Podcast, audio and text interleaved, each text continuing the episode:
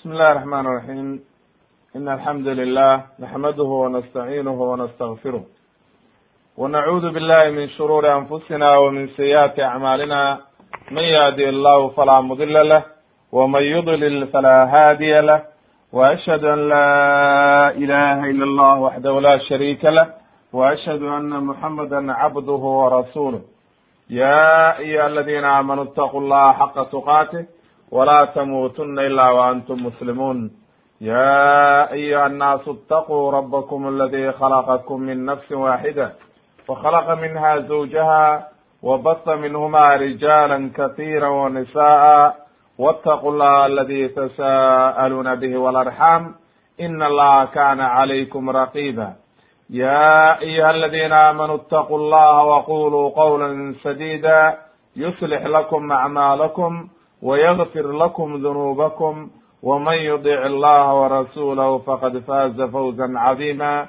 أما بعد فإن أصدق الحديث كلام الله وخير الهدي هدي محمد صلى الله عليه وسلم وشر الأمور محدثاتها وكل محدثة بدعة وكل بدعة ضلالة وكل ضلالة في النار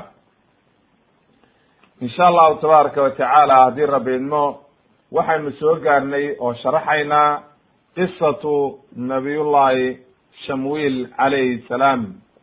Waa nebi ka mida nebiyadii reer bani israa'iil loo diray oo ka dambeeyey maaragtay nabiyullahi muusa iyo waa intii udhexaysay aduu calaa kulli xaal nabiyullahi muusa iyo waxa weeye nabiyullahi daawud nebiyadii udhexeeyey wey.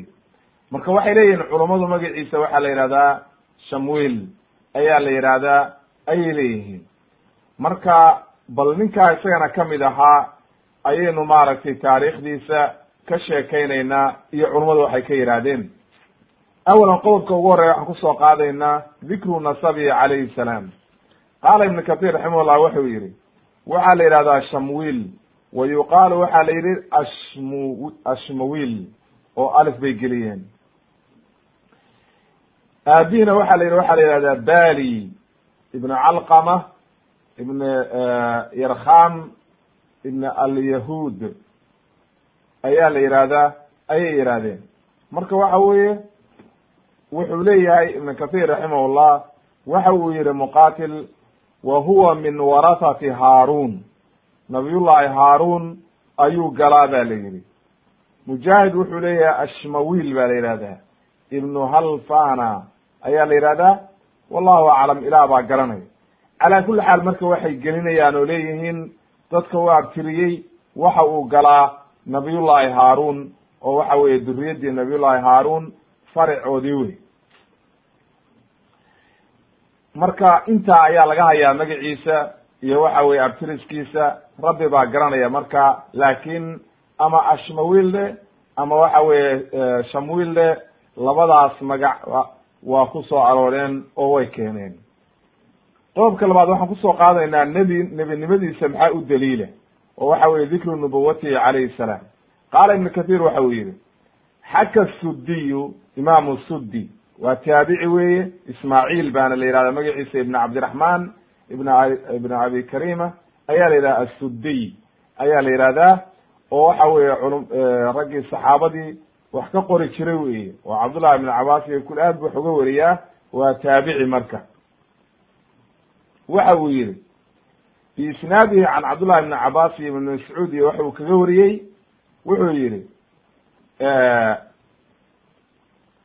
ana thaclabi ayaa waxa uu yihi wathaclabiyu wagayruhum anahu lama galaba alcamaaliqa lama galabat alcamaaliqa min ardi gaza markii camaaliqada nimankii la ohan jiray oo waa qabiil jire bay ahaayeen oo waxa weye reer bani israail ay mar walba islayn jireen oo dhulkaa wada deganaayeen. Biardi gaza markii ay ka qabsadeen. Marka gaza waynu soo sheegnay oo waxa weeye waa dhulkan maaragtay falastiin hadda loo yaqaano oo waxa weeye ereyadaas weye waynu soo sharacnay marka gaza oo waxaynu nidhi xataa maaragtay waxay u dhowdahay maaragtay xagga sham oo waxa weye dhinaca sham oo madiino macruufa weye la yaqaan.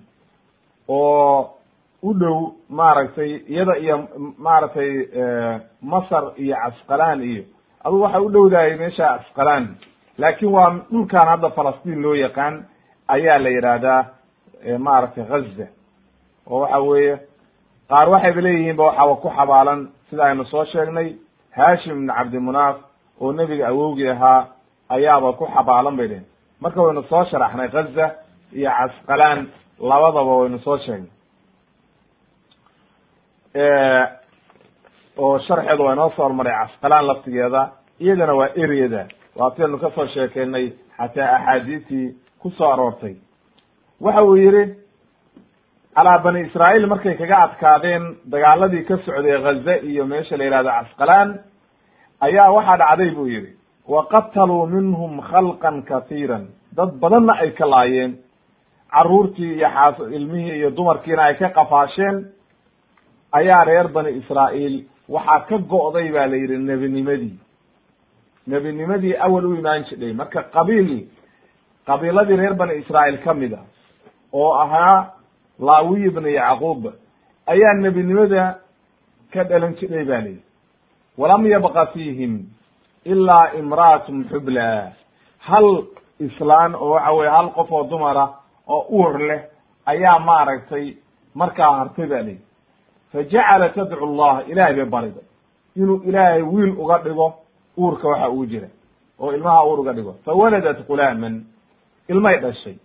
Fasamathu ashmuwiil ayay ku magacowday macnihiisuna waxa weeye ismaaciil oo waxa weeye ashmuwiil waa kalaamki reer bani israa'iil laakiin markii carabi loo bedelo waa ismaaciil ay macnaha waxay ka wadaa ba la yidhi samaca allahu samica allahu ducaa'i ay macnaha ilaahay wuu maqlay ducadaydii iyo baryadaydii waana iga ajiibay markaasay ubixisaa la yidhi maaragtay ashmuwiil ama waxa weeye markaa ismaaciil haddii a dhahday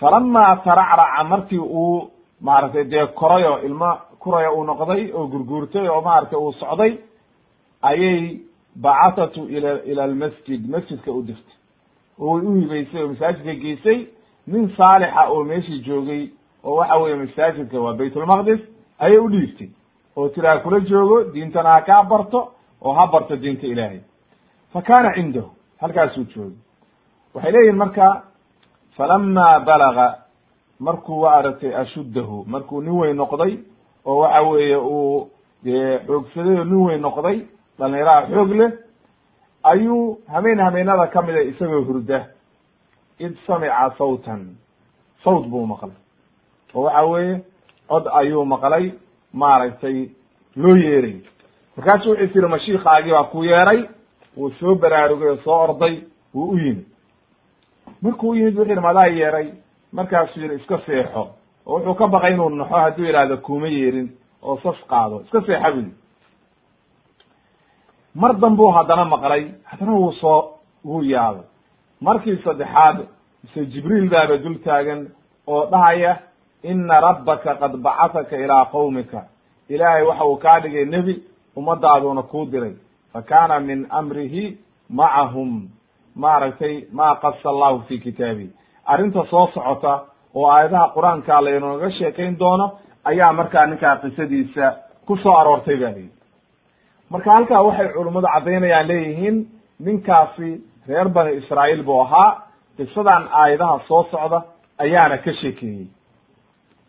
Qodobka saddexaad baan ku keenaynaa dikru khabari taalut wa bid'i amri daawud calayhi salaam qaala allahu tacala ilah waxau yihi alam tara ila almala'i min bani israa'iila min bacdi muusa miyaadan ogaan oo cilmi u yeelan qoomkii ka dambeeyey reer bani israa'iil markii maaragtay almala waxaa la yidhahdaa maaragtay dadka madaxda oo qoomka u taliya min bacdi muusa nabiy llahi muusa ka bacdi id qaaluu linabiyin lahum bacat lana melikan markii ay ku yaraadeen nebi ilaahay u soo saaray oo nebi ay laayeen waa shamuil baa la leeyahay nebigaasi marka.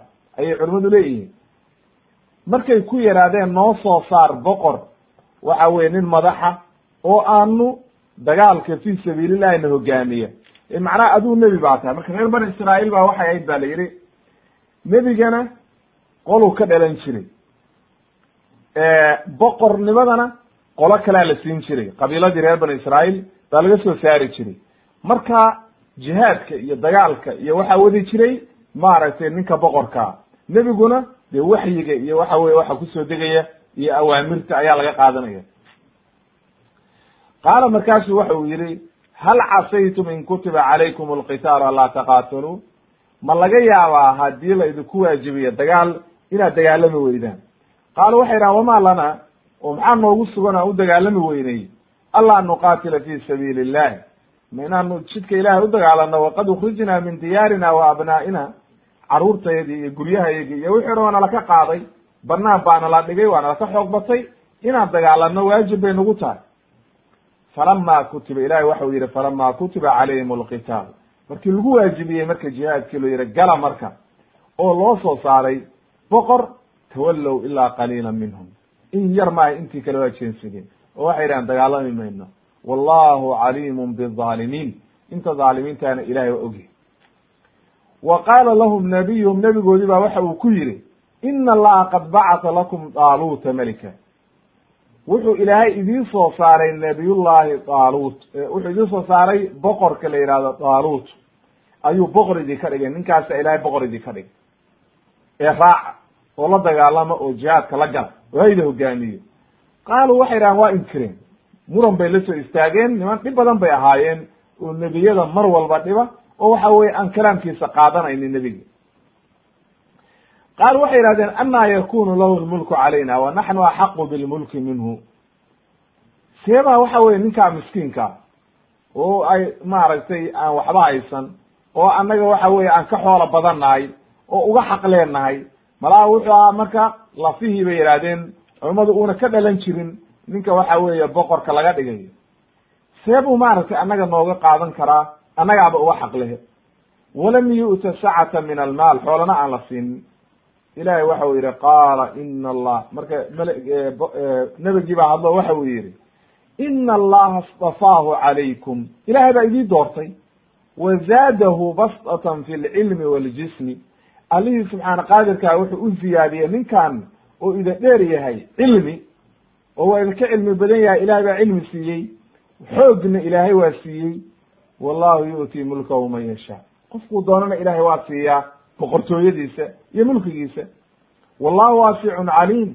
Allihii subxaana qaadirkaana waa waasic ay macnaha wax walba agtiisa yaaliin oo waxa weye waasicun caliim cilmi badan wey wa qaala lahum nabiyuhum ina aayata mulkihi an yaأtiyakum ataabuutu fiihi sakiinatu min rabbikum santuukhii aynu soo sheegnay oo laga qaaday reer bani israa'iil oo waxa weeye nabiyullaahi muusa calayhi salaam uu uga dhintay oo nimankii camaaliqada ay ka qaadeen oo markaa waxa weeye laga adkaaday reer bani israa'iil ayuu wuxuu yihi ninkan inuu boqor idin yahay waxaa daliil u ah oo calaamad u ah an yaatiyakum ataabuut santuuqii in la keeno oo idin yimaado sakiinatu min rabbikum ay ku jirtay oo maaragtay deganaanshihii iyo guushii ilaah iyo wanaaggii uu ku jiray wa baqiyatu mima taraka aalu muusa waxyaalihii nabiyullahi muusa idinka tegey na uu ku jiray way noo imaan doontaa waxyaalaha ku jiray sida ay ku fasiraan culummadu wa aalu haaruun iyo nabiyullahi haaruun yaa keenaya marka xoog bay ku qabsanayaan mise waa loo keenaya taxmiluhu lmalaa'ika malaa'igta ayaa soo xambaaraysa oo u keenaysa idinkoon xoog ku qabsan oo aan dagaal gelin ayaa la idii keenayaa malaa'igtoo wadda ayay idii keenaysaa. Taxmiluhu lmalaa'ika marka wuxuu yihi markaa ina fi dalika alaayata lakum in kuntum mu'miniin. Haddii aad wax rumaynaysaan oo dad iimaan leh oo wax rumaynaya tihiin calaamataasaa idinku filan. Maadaama intaa santuuqaada ka maqnaa oo ay awood u weydeen inaad soo dhacsataan maanta la idiin soo celiyey marka oo weliba malaa'ig idii keentay ninkaa waxa weeye ayay calaamad u tahay iyo mucjiso ee raaca oo waxa weeye la dagaalama ninkaa falama fasala taaluutu biljunuudi markii uu taaluut marka ciidankii diyaarsaday oo waxa weeye uu ka go'ay magaaladii oo waxa weeye ay raaceen ayuu markaa waxa uu ku yihi ina allaha mubtaliikum binahar falama fasala taaluutu biljunuudi markuu ciidamadii la baxay wuxuu ku yidhi qaala ina allaha mubtaliikum binahrin. Webi baa laydinku imtixaamaya. Waa webigaa urdun ba la yidhi oo waxa weeye dee sham iyo urdun iyo halkaa ku yaalay faman shariba minhu qofkii ka caba falaysa mini iga mid maaha. Oo waa icaafiyey oo dariiqayga kuma socdo oo dagaalka ila gelinayo waman lam yadcamhu qofkii aan dhedhaminna fa inahu mini anuu iga mid yahay ha cabinina la yidhi marka webigaa waa imtixaan min allah. Waxyi min allahi baa yimid waxa weye nebigaa loo waxyooday nebigii markii loo waxyoodayna wuu u sheegay oo wuxuu yidhi ilaahay amarkaasu idin siiyey ee webigaa ka cabinina markii marka noocay dhacday wuxuu yidhi ilaa man iktarafa kurfatan biyadihi. Haddii haraad idahayo hal mar nin walba inuu darsado oo dhedhemiyo ka carara mooye laakiin ha ka cabinina hal xantoobo un baa laydinka ogoliy fa sharibuu minhu ilaa qaliila minhum. Ilahay waxa uu yihi kulligood way cabeen ilaa in yar mooye biyihii bay ka dhergeen ta khilaafeen amarkii daa'iman reer bani israiil waxaa arkaysaa awaamirta ilahay waa khilaafayaan oo waxa waxaada moodaa in la yidhi khilaafa idinku amarka wixii amar la idinku siiyaba khilaafa in la yidhi baad moodaan aad bay marka u khilaaf badnaayeen oo u khilaafayaan amar alla amarkii la siiyaba. Marka ilaahay waxa uu yihi fa sharibuu minhu way cabbeen oo biyihii bay ka dhergeen say u dhamaayeen biyihii bay ka dhergeen ilaa qaliila minhum in yar mooye.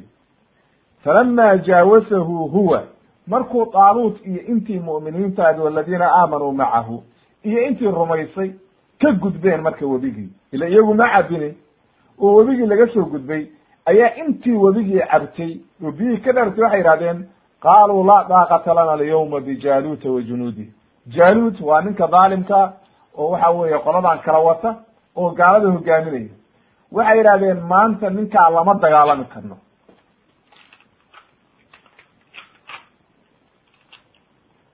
Awood uma hayna bay dhaheen aan maanta ninkaa kula dagaalano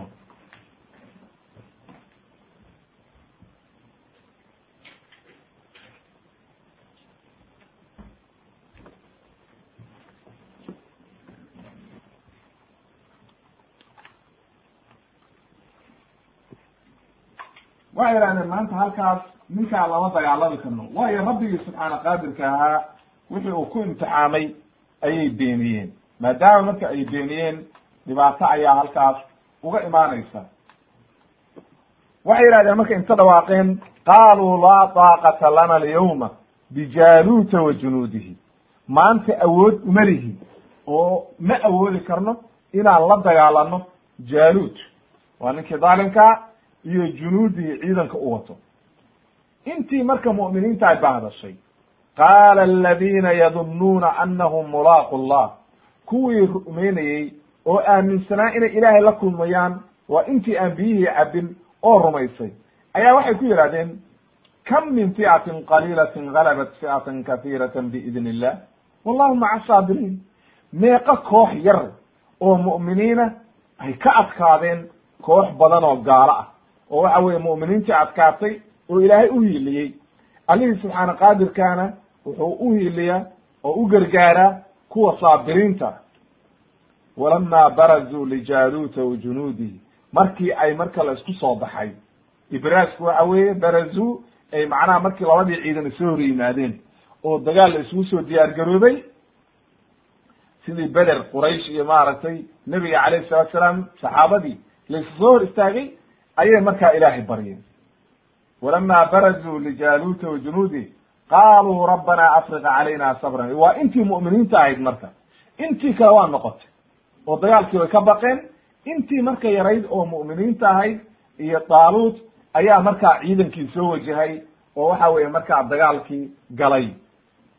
Waana inoo imaan doontaa culummadu bal inta ay ku sheegeen cadadkooda ilahay bay baryeen waxay dhahen rabbanaa afriq calayna sabran wathabbit aqdaamana wansurna cala alqowmi alkaafiriin ilaahay oo na sug oo waxa weeye maaragtay sabir nasiib noogana gargaar qoomkan dhaalimiinta ilahay waxa uu yidhi fahazamuuhum biidn illah rabbigii subxaana qaadirka idankiisa way jebiyeen oo gaaladii meesha waa laga adkaaday intii mu'miniinta ahayd oo reer bani israa'iil oo dhaaluut hogaaminayey ayaa adkaatay rabbigii subxaana qaadirkaana uu u hiliyey oo gargaarkiisi iyo nasrigiisii ku soo dejiyey wa qatala daawudu jaaluud marka halkaa waxaa la socday ba lihi maalintaa marka ninkaa taaluud uu hogaaminayo shamuilna uu nebiga yahay. Waxaa jooga ba la yidhi daawuud oo markaa wiil yara ah oo aan markaa weli nebi laga dhigin. Marka halkaasay isu soo gaareen daawuud iyo shamuil iyo taaluud isku xilli bay ahaayeen. Laakin waxa weye weli daawuud waa wiil dhalinyaro a baa layihi nabiyullahi daawuud oo aan weli laga dhigin nebi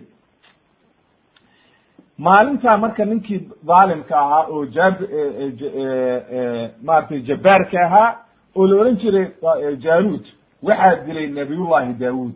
Ayaa dilay. Habkuu ku dilayna culummada inoo cadaynaysa waa sheegayna wa aataahu llahu lmulka walxikmata wacallamahu mima yashaa. Kabacdi baa marka ilahay nabiyullahi daawuud waxaa laga dhigay nebi. Cilmi la siiyey xikmad la siiyey. Ilahay wax walba baray. Allihii subxaana qaadirka wuxuu ku gebagabeeyey aayadaha walowlaa dafcu llahi annaasa bacduhum bibacdin lafasadat ilardu walakina allaha duu fadlin cala alcaalamiin. Haddii aan ummaddan qaarba qaarka kale laga horkeenayn oo iyaga la isku jebinaynin intii daalimnimo samaysa kuwo kale lagu sallidaynin waxa weye dhulkao dhan ma hoga fasahaadi bal aayadaha marka fi suurati albaqara ku soo arooray bal culummadu waxay ka yidhaahdeen ayaynu soo qaadanaynaa marka.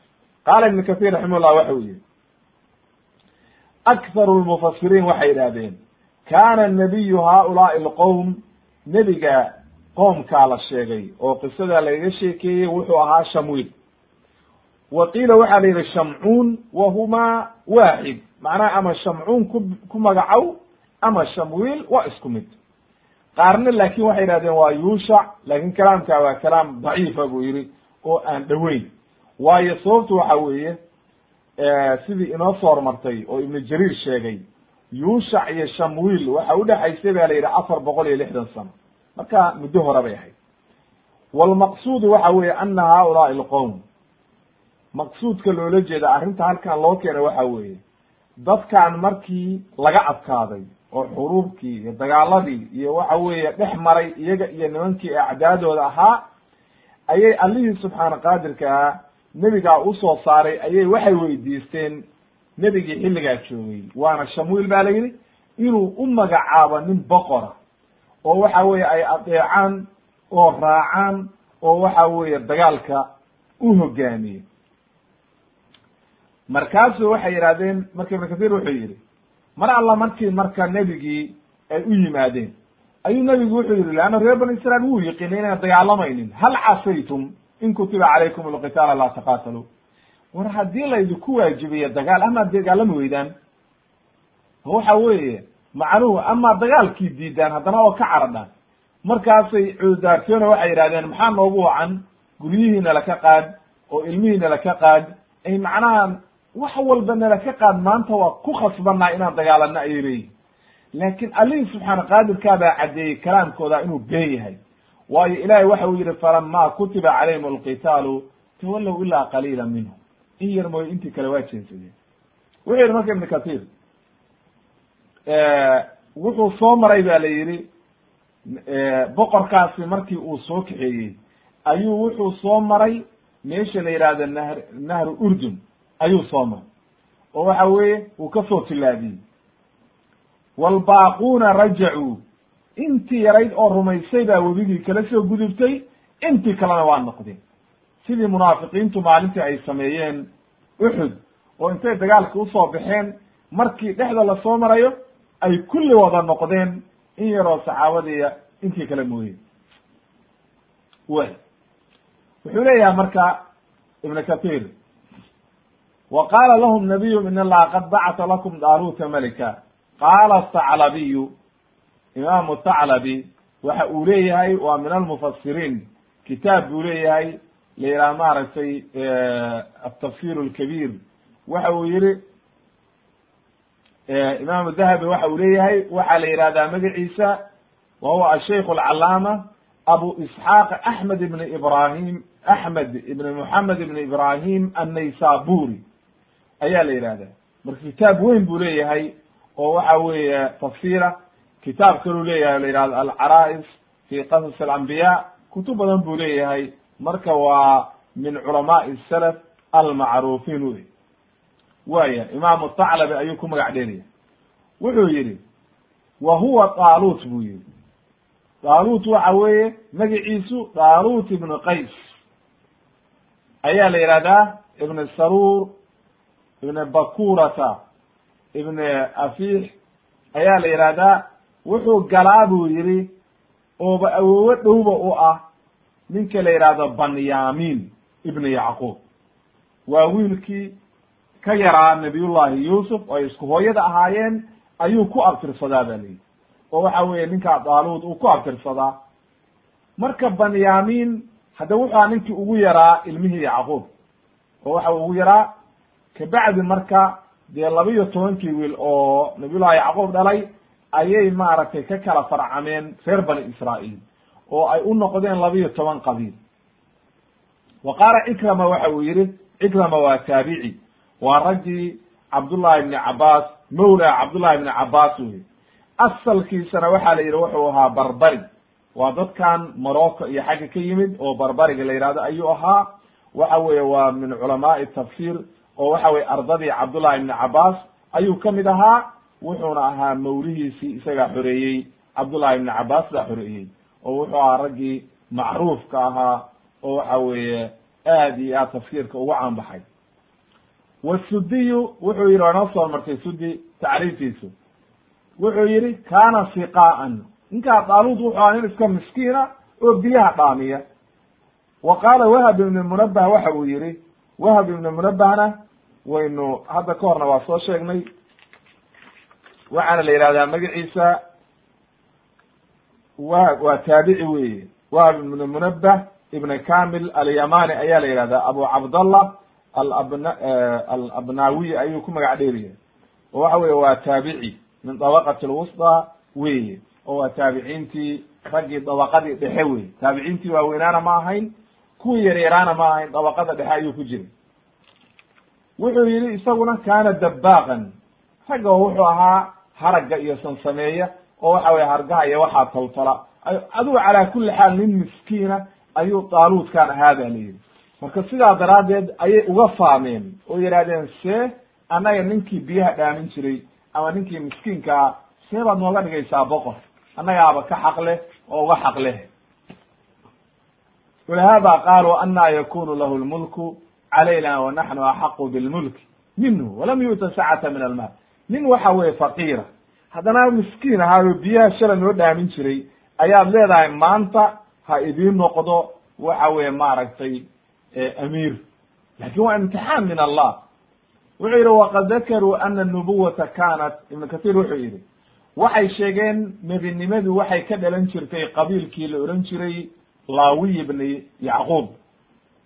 Laftaas oo waxa weye ninkii laawiyi ka farcamay qabiil dhan bay noqdeen oo sibdi min asbaabi bani israa'iil bay noqdeen wa ana almulka kana sibdi yahuuda boqortooyaduna waxay ka dhalan jirtay oo boqorka laga dhigi jiray qabiilka ninka la yihahda yahuuda oo waxa weye ninkaas ciddii ka farcantay laftaa ayaa la ohan jiray.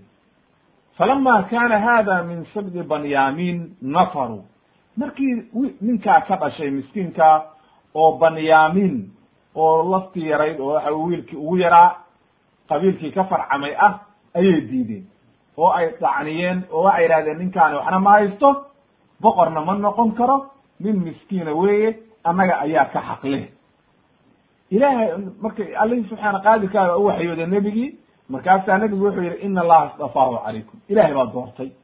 Wazaadahu basdatan fi lcilmi waljismi cilmi iyo awood baa la siiyey. Allihii subxaana qaadirka ayaana arrintan doortay. Shamwiil weeye ba la yidhi marka ninka saa ula hadlaya oo reer bani israa'iil markaa xiwaar ku dhex maray. Waxay leeyihiin marka ibnu kathiir wuxuu leeyahay wazaadahu basdatan fi lcilmi waljismi waxa la yidhi wuxuu ahaa ninka ugu dheer reer bani israa'iil oo ugu xoog badan ayuu ahaa ba lidi xoolaba yuusan lahaane. Waa nin aad u xoog badnaa ayuu ahaa ba lidi marka wuxuu leeyahay waxay yidhahdeen shamwiil baa waxaa loo waxyooday waxaa dhahdaa reer bani israa'iil oo dhan isugu yeer ushaas ul baa inta la siiyey ushaa ninkii dheerar la ekaada ayaa waxa weye boqortooyada noqonay. Kulli ushii bay isku dheerar la ekeysiiyeen markaasaa daaluut maahe nin kale oo gaaro la waayo ushii. Marka sidaa daraaddeed ayuu soo guurinaya ibnu kathiir waxyaala mucjisa oo noocaas. Marka wazaadahu basdatan fi lcilmi waljismi ilaahay cilmina waa siiyey awoodna waa siiyey ayaa la yidhi marka. Oo waxa weye nin aad u dheer oo xoog leh ayuu ahaa ba la yidhi oo dadku dee markuu soo hor istaago ka haybeysanayaan. Leanno ninka xoogga leh oo weliba madaxda waa laga haybeysanaya markuu soo hor istaaga dadka. Wa qurux iyo wanaag ba ilahay u dhamaystiray bali oo waxa weye ilaahay siiyey. Haddana nebigii wuu la hadlo wuxuu yihi wallahu yu'ti mulkahu man yashaa. Ilahayna ciduu doonuu mulkigiisa siiyaa ciduu doono ayuu siiyaa ee raaca waxa weye boqorka laydii soo saaray oo ilaahay xukumkiisa ha faragelinina oo ha ka hor imaanina xukumka allihii subxaana qaadirka uu xukmiyey. Raaca ayaa la yidhi marka oo arrinta qaata. Waayo sababtu waxa weeye inaad raacdaan baa dana idinku jirtaa ee inaad ka hor timaadaan ninkaas saalixa oo ilaahay idii doortay ma aha wey. Aayad ba haddana loo sheego waxaa la yidhi aayaddiisa waxaa ka mid a iyo calaamadda ninkaan inuu boqor yahay. Waxaa idii imaan doona sakiinatu taabuutkii oo waxa weeye rabbigii subxaana qaadirkaa idii keenaya wa qaala lahum nabiyuhum ina aayata mulkihi an yaatiyakum taabuutu. Taabuutka waa santuuka wey santuukii ayaa idin imaanaya. Oo waxa ninkaan rajul saalixa weeye alihii subxaana qaadirka ah santuukii awal xoogga la idinka qaaday oo reer bani israail idinka idinka qaadeen nimankii camaaliqada ahaa ayaa maanta ilaahay idiin soo celinaya oo ninkaa daraaddi maadaama nin saalixa uu yahay oo ilaahay uu doortay waa la idin keenaya. Haddaba raaca baa la yidhi marka ninkan oo waxa weye raac. Fiihi sakiinatu min rabbikum santuuka maxaa ku jiray marka? Waxaa la yidhi sakiinadaa waxay ahayd ba la yidhi baas dahab ka samaysan ayaa ku jiray ba la yidhi santuuka oo waxa weeye nebi muuse ku qubaysan jiray iyo nabiyullahi haaruun iyo oo waxa weye markaa ay barakaysan jireen. Qaarna waxay yidhahdeen sakiinada waxaa laga wadaa dabayl. Ayaa ku jirtay oo markii dagaalka ay galaan ayaa dabayshaas cideeday maqli jireen. Markaasaa nasrigu u imaan jiray. Markaasay guulaysan jireen oo gaalada ay jebin jireen. Calaa kulli xaal nooc kastaa noqotee sakiina. Waxyaalihii ilaahay ugu guulaynayey oo waxa weye rabbigii subxaana qaadirka ugu gargaariyey ayaa ku jiray wa baqiyatu mima taraka aalu muusa wa aalu haaruun ay macnaha waxyaalihii waxay yidhahdeen baqiyadaasi waxa weeye jacabkii looxdii lagu qoray alwaaxdii lagu qoray t tawraat oo nabiyullaahi muusa calayhi salaam tawraat alwaaxdii ugu qoray jacabkeedii iyo waxyaalihii ka haray iyo waxa weeye dharkoodii iyo waxyaalihii aahaartii nebi nebiyadii ayaa ku jirtay ba lihi marka sidaa daraaddeed ayay barakaysan jireen. Sida inagaba ummadda islaamka u barakaysan jidhay nebiga aahaartiisii calayhi salaatu wassalaam waxa uu yidhi marka yaa keenaya taxmiluhu lmalaa'ika malaa'igta ayaa keenaysa ay ta'tiikum bihi lmalaa'ika yaxmiluunahu wa antum tarawna dalika idinkoo arkaya ayaa layda soo hordhigayaa oon dagaal ku gelin. Waa calaamad marka cajiib ah iyo xujo waxa weeye kutusaysa inuu nebigaani maaragtay run idiin sheegay ninkaana boqor saalixa uu yahay oo ilaahay doortay. Haddaba haddaad wax rumaynaysaan ina fi dalika laaayata lakum in kuntum mu'miniin. Haddaba marka arrintii marka saa noqotay. Waxay leeyihiin culummadu marka malaa'igtii oo wadda ayaa soo hor dhigtay santuuqii oo ka soo qaaday nimankii camaaliqada ahaa. Santuuqoodiiba marka soo qaateen daaluut ciidamadiisiibuu la soo dareer ciidamadiibuu diyaarsaday ciidamadiibuu soo kaxeeyey markii marka loo soo dhowaaday oo falamaa fasala daaluutu biljunuudi qaala ina allaha mubtaliikum binahar waxay leeyihiin marka culummadu cabdullahi ibni cabaas iyo waxay leeyihiin iyo kathiiru min almufasiriin hada nahru nahru urdun. Waa waa webiga urdun weye bay ihahdeen oo waxa weye halkaa soo mara marka markuu halkaa jaalu daaluut ciidankiisu ku soo dhowaaday ayaa nebigii oo shamuil oo nebiga u ahaabaa wuxuu amro wuxuu yihi markaad webiga u dhowaatid u sheeg ciidankaaga webiga ayaan biyo laga cabin oo waxa weye webiga xilli subaxa ayay soo baa li ka dheeraada la yidhi oo biyo ha ka cabinina barqadii. Haddi ilaa qofkii hal mar inaad darsataan mooye marka wuxuu yihi faman sharibahu falaysa minii waman lam yadcamhu fa inahu minii qofkii ilaa man iktarafa qurfatan biyadi. Allihii subxaana qaadirkaa wuxuu yihi marka fasharibuu minhu ilaa qaliila minhu. Wuxuu leeyahay imaamu suddi waxay ahaayeen ba la yihi siddeetan kun. Kulligood way cabbeen ilaa waxa weeye afar kun mooye. Intii kale waa cabbeen qaala ibnu kathiir marka wuxuu yihi arrintaasi waxaad moodaa inayna saxiix ahayn. Waayo sababtu waxa weeye siddeetan kun oo ciidana waa ciidan aad u badan. Bal waxaa sugnaatay sida bara ibni caasib laga wariyey wuxuu yidhi waxaanu ku sheekaysan jirnay saxaabadii nebiga haddii aan nahay ana ciddata asxaabi beder beder raggii nebiga kala qayb galay.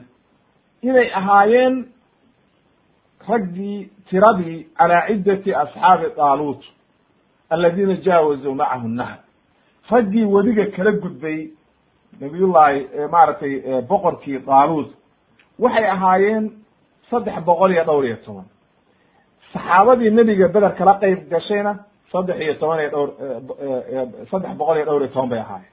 Marka isku tiro ayay ahaayeen ayay saxaabadu ku tilmaameen oo qisadaas ayaa jirta. Sida bukhaari warinay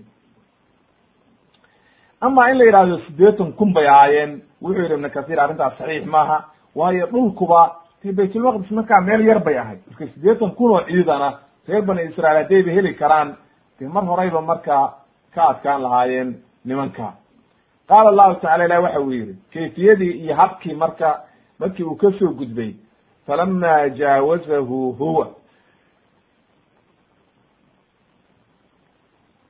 markii uu daaluud kala soo gudbay ciidankii waxa weeye webigii intii rumaysay oo biyihii aan cabbin intii kale iyagu mar alla markay biyihii cabbeen baa fulaynimo qalbigoodii lagu tuuray maadaama ay nebigii khilaafeen amarkii khilaafeen ayaa baqdini ku dhacday oo ay noqdeen. oo ay diideen oo waxay yidhahdeen maanta awood uma lihin ee celiya lama dagaalami karno jaaluud iyo ciidankiisi intii mu'miniinta ay bacdasho waxay yidhahdeen kam min fi'atin qaliila. Meeqadad waxa weeye yar oo muslimiina oo ilaahay ka cabsaday intay waxa weeye la dagaalameen niman jabbaariina oo fara badan oo waxa weeye ilaahay markaa guushii siiyey. Maxaad u cabsanaysaan? Aan dagaalamno rabbigii subxaana qaadirkaana wallahu maca allihii subxaana qaadirkaa waxa uu maaragtay u gargaaraa oo waxa weeye guushiisa siiyaa qofkii sabraha ayaa allihii subxaana qaadirkaa siiya. Marka aynu dagaalanno oo ha cabsanina iyagoo maaragtay halkaa geesinimo gelinaya laakiin hadde waxa weeye amarkii bay khilaafeen miyay yeelayaan? Way baqeen oo markaa waxa weeye dib ayay u noqdeen. Sidii munaafiqiintu ay sameeyeen maalintii uxud oo kale ayay dib u dilaameen ilaa waxa weye intaa yar oo waxa weeye saddex boqol iyo dhowr iyo toban lagu qiyaasay ayuu markaa daaluut la soo gudbay oo waxa weeye la soo hor istaagay nimankii mushrikiinta ahaa oo aad u fara badan ba la yidhi uluuf aad iyo aad u fara badan ayuu markaa soo hor istaagay ba waxaana kamida ba la yidhi maalinta oo la socday nabiyullahi maaragtay daawud oo laakiin wiil yar ah. Oo waxa weeye aan weli maaragtay gaarin nebinimo. Ilahay waxa uu yihi walama barazuu wa junuudihi markii ay soo hor istaageen ciidamadii jaaluud iyo ciidankiisii ayay ilaahay baryeen marka. Dalabuu min allah. Ilaahay bay waxay ka baryeen inuu ilaahay ku soo dejiyo sabr. Ilaahay uu sabr siiyo. Rabbana afriq calayna sabran wathabbit aqdaamana waa sidii nebiguba calayhi salatu salaam maalintii markii uu beder ilaahay uu beryiyey oo abubakr dhinac taagnaa.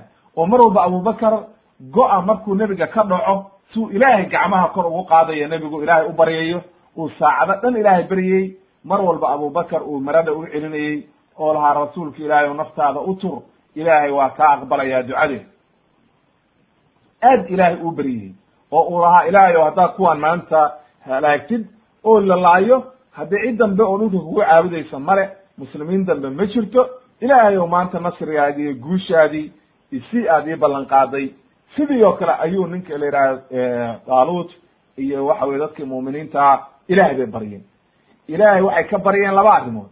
Inuu sugo oo aynan cararin oo u dulqaataan dhibaatada oo sabir iyo wanaag na ilaahay ku irsaaqo ilaahayna guul siiyo oo waxa weye ay ka guulaystaan nimankaa gaalada ay ilaahay ka baryeen alihi subxaan qaadirkaa waa sugay marka waana guushiina waa siiyey.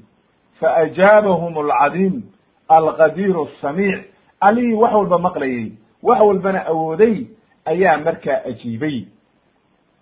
Waa tuu marki allihii subxaana qaadirkaa sidaas oo kale lahaa markii nabiga calayhi salaatu wasalaam ilahay la hadlayey iyo saxaabadii walaqad nasarakum allahu bibadrin wa antum adillah fattaqu llaha lacalakum tashkuruun idinka oo yar oo waxa weye layda ka badan yahay oo masaakiina ayaa ilaahay idin gargaaray ee ilaahay ka cabsada haddaba marka guushiisee bay ku timi ilaahay wuxuu yidhi fahazamuuhum biidn illah way jebiyeen marka.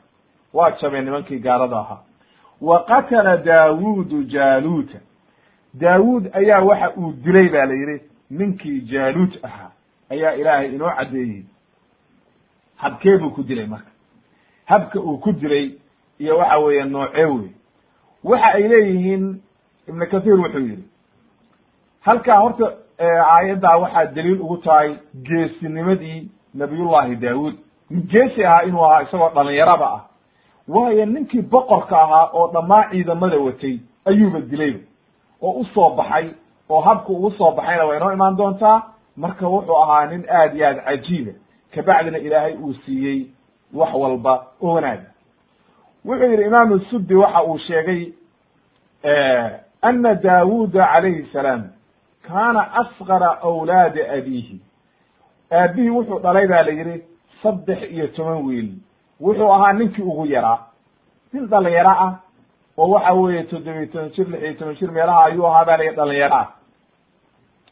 Wuxuu maqlay ba la yidhi markuu daaluut uu rabay inuu ciidamada diyaariyo oo uu waxa weeye kaxeeyo oo jaaluut la hor istaago ayuu waxa uu yidhi markuu la hadlayo ciidamadiisii daaluut ninkii maanta jaaluut dila iyo ciidamadiisa la dagaalama oo jaaluut dila gabadhaydaan u guurinaya boqortooyada iyo madaxnimadana waxbaan ka siinaya.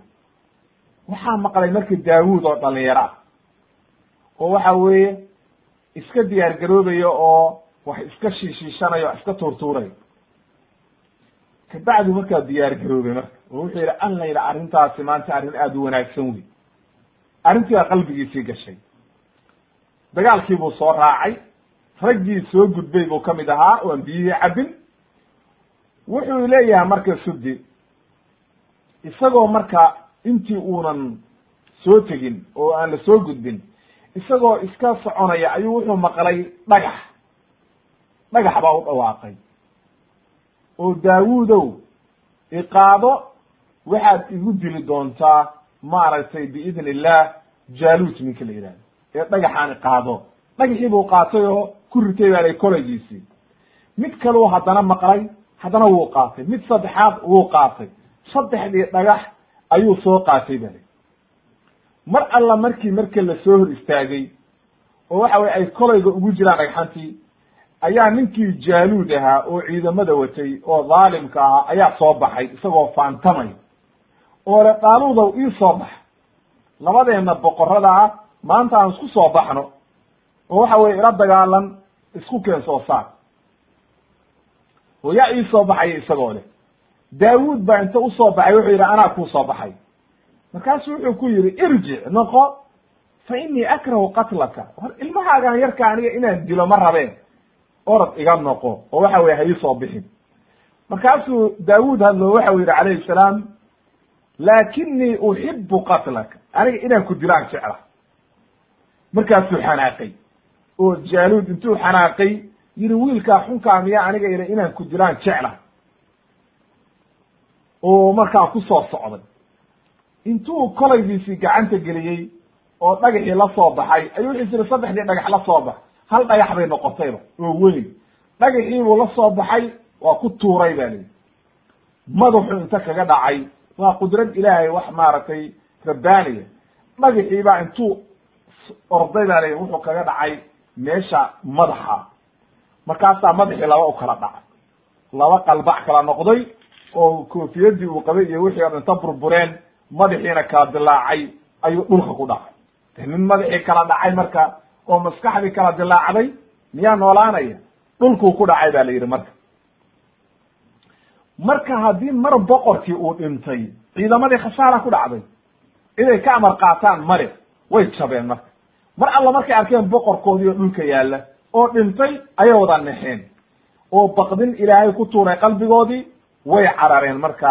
Markaasa halkaas inta waxa weye la weeraray sidii mushrikiintii oo kalea ku dhacday maalintii beder ay wada carareen.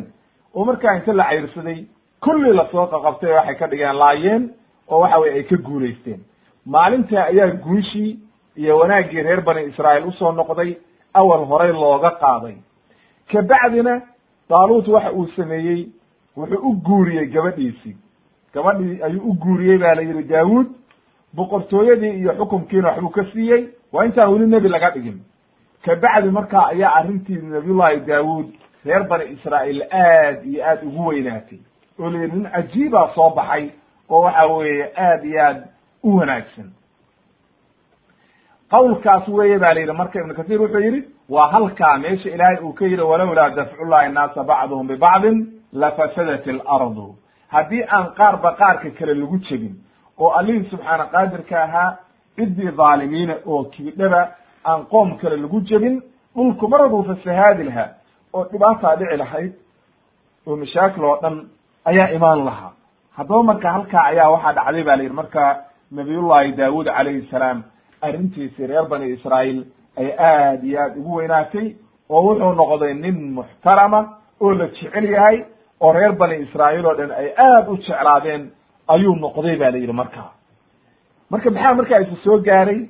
Nabiyullahi shamwiil oo markaa jooga iyo daaluut oo boqora iyo nabiyullahi daawuud oo aan weli nebi laga dhigin laakiin wiil yara oo waxa weeye markaas aad iyo aad dadka u jeclaadeen oo qiimo yeeshay. Qaala ibnu jariir dabri raximahullah waxa uu yidhi wa zacama ahlu tawraat. Nimankii reer bani israa'iil waxay sheegteen ana muddata mulka daaluut daaluut boqortooyadiisu waxay jirtay ba la yidhi ilaa an qutila maca awlaadihi arbacuuna sana. Afartan sano ayuu boqor u ahaa ba la yidhi oo hogaaminayay reer bani israa'iil. Oo waxa weye uu gacanta ku hayay oo waxa weye boqortooyadiisii ay sii jirtay ba la yidhi. Nabiyullahi daawuudna calayhi salaam kabacdi baa markaa nebi laga dhigay oo allihii subxaana qaadirka uu ilaahay u doortay inuu nebi noqdo oo maaragtay rabbigii subxaana qaadirka uu nebi ka dhigay. Wa aataahu llahu alxikmata wa callamahu mima yashaa. Ilaahay waxa uu siiyey markaa xikmaddii iyo wanaaggii iyo cilmigii ilaahay uu baray nebina wuu noqday oo waxa weeye nebiyada macruufka oo la yaqaan ayuu ka mid yahay. Marka calaa kulli xaal qisadaa marka halkaa waxaa inooga caddaatay ninkaa la yidhaha nabiyullahi shamwiil inuu ahaa nebi reer bani israa'iil. Waana nebiga aayadaha fi suurati albaqara ay ka sheekaysay ayay yidhahdeen culummadu oo waxa weeye loo soo saaray oo waxa weeye soo saaray ninkaa la yidhaahdo daaluut oo waxa weeye xilligaas joogay ayuu ahaa. Waxayna isi soo gaareen marka sida haddaba aayadaha ka cad iyo taariikhda inay nabiyullahi daawuud calayhi salaam isi soo gaareen. Marka kabacdi markaa shamwiil markuu dhintay waa nebiga ku xiga marka daawuud nabiyullahi daawuud baa markaa meeshii nebinimadii la wareegay oo kabacdi nebi noqday. Qisadiisuna insha allahu tabaaraka watacaala waa inoo imaan doontaa oo qisadaanay ku xigtaa nabiyullahi daawuud calayhi salaam haddaba waxaan ka faa'ideynaa oo inooga cadaaday marka halkaa nabiyullahi shamwiil inuu yahay nebi min ambiyadii reer bani israa'iil inuu ka mid yahay. Laakin kitaabka qur'aanka magaciisa laguma sheegin axaadiistana laguma sheegin. Laakin culimmadu waxay leeyihiin qowlkaa ah alam tara ila almala'i min bani israa'iil. Id min bacdi muusa. Id qaaluu linabiyin lahum ibcat lana melikan nuqatil fi sabiilah nebigaa weeye aayaddu soo celcelisay wa qaala lahum nabiyuhum wa qaala lahum nabiyuhum ilaa dhowr jeer soo celceliyey waa nebigaasaa la yidhi waa shamwiil bay yidhahdeen culummadu ninkaas waxa weeye allihii subxaana qaadirka halkaa kaga hadlay waalcilmu cinda allah ilaah baa garanaya wa subxaanaka allahuma bixamdika ashhadu an laa ilaha illa anta astafirka waatubu ilayk walxamdu lilahi rabi alcaalamiin